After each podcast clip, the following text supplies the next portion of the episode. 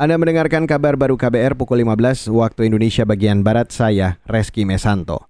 Saudara pemerintah menyiapkan dua maskapai untuk melayani penerbangan calon jamaah haji tahun ini. Menurut Direktur Layanan Haji Dalam Negeri Kementerian Agama, Saiful Mujab, Kemenak tengah melakukan finalisasi kontrak kerja sama ke maskapai Garuda Indonesia dan Saudi Airlines. Kemenak memperkirakan 230-an penerbangan akan melayani pemberangkatan 93 ribuan calon jamaah haji reguler tahun ini. Sementara total jamaah haji khusus yang berangkat tahun ini mencapai 7.200 orang lebih. Total ratusan ribu jamaah calon haji itu dibagi dalam 241 kloter dan pemberangkatan kloter pertama akan dimulai pada 4 Juni mendatang.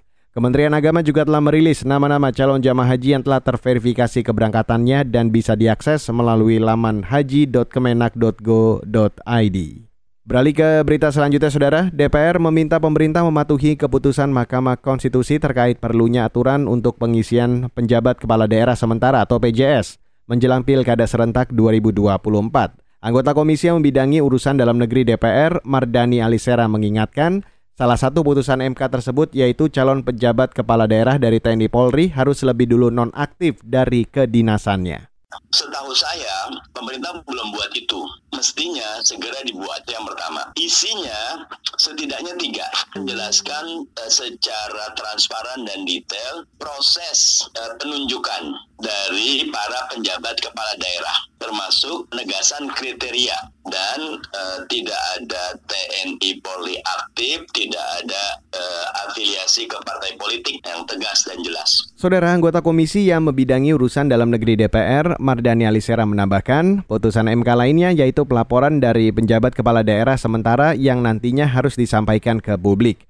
Sedangkan Kementerian Dalam Negeri, kata dia, juga harus mengevaluasi dan dipublikasikan terkait proses penunjukan pejabat kepala daerah sementara. Ada 101 kepala daerah yang akan habis masa jabatannya tahun ini dan akan diisi pejabat kepala daerah sementara hingga Pilkada serentak 2024 selesai. Saudara tim nasional Indonesia usia 23 atau U23 siap menghadapi Timor Leste di laga kedua grup A SEA Games 2022. Laga akan dimainkan di Stadion Vietri, Vietnam mulai jam 7 malam waktu Indonesia Barat. Gelandang Timnas Garuda U23, Witan Sulaiman berjanji akan fokus bermain, tidak meremehkan Timor Leste, dan berjuang memperoleh tiga poin krusial agar Indonesia lolos ke babak selanjutnya.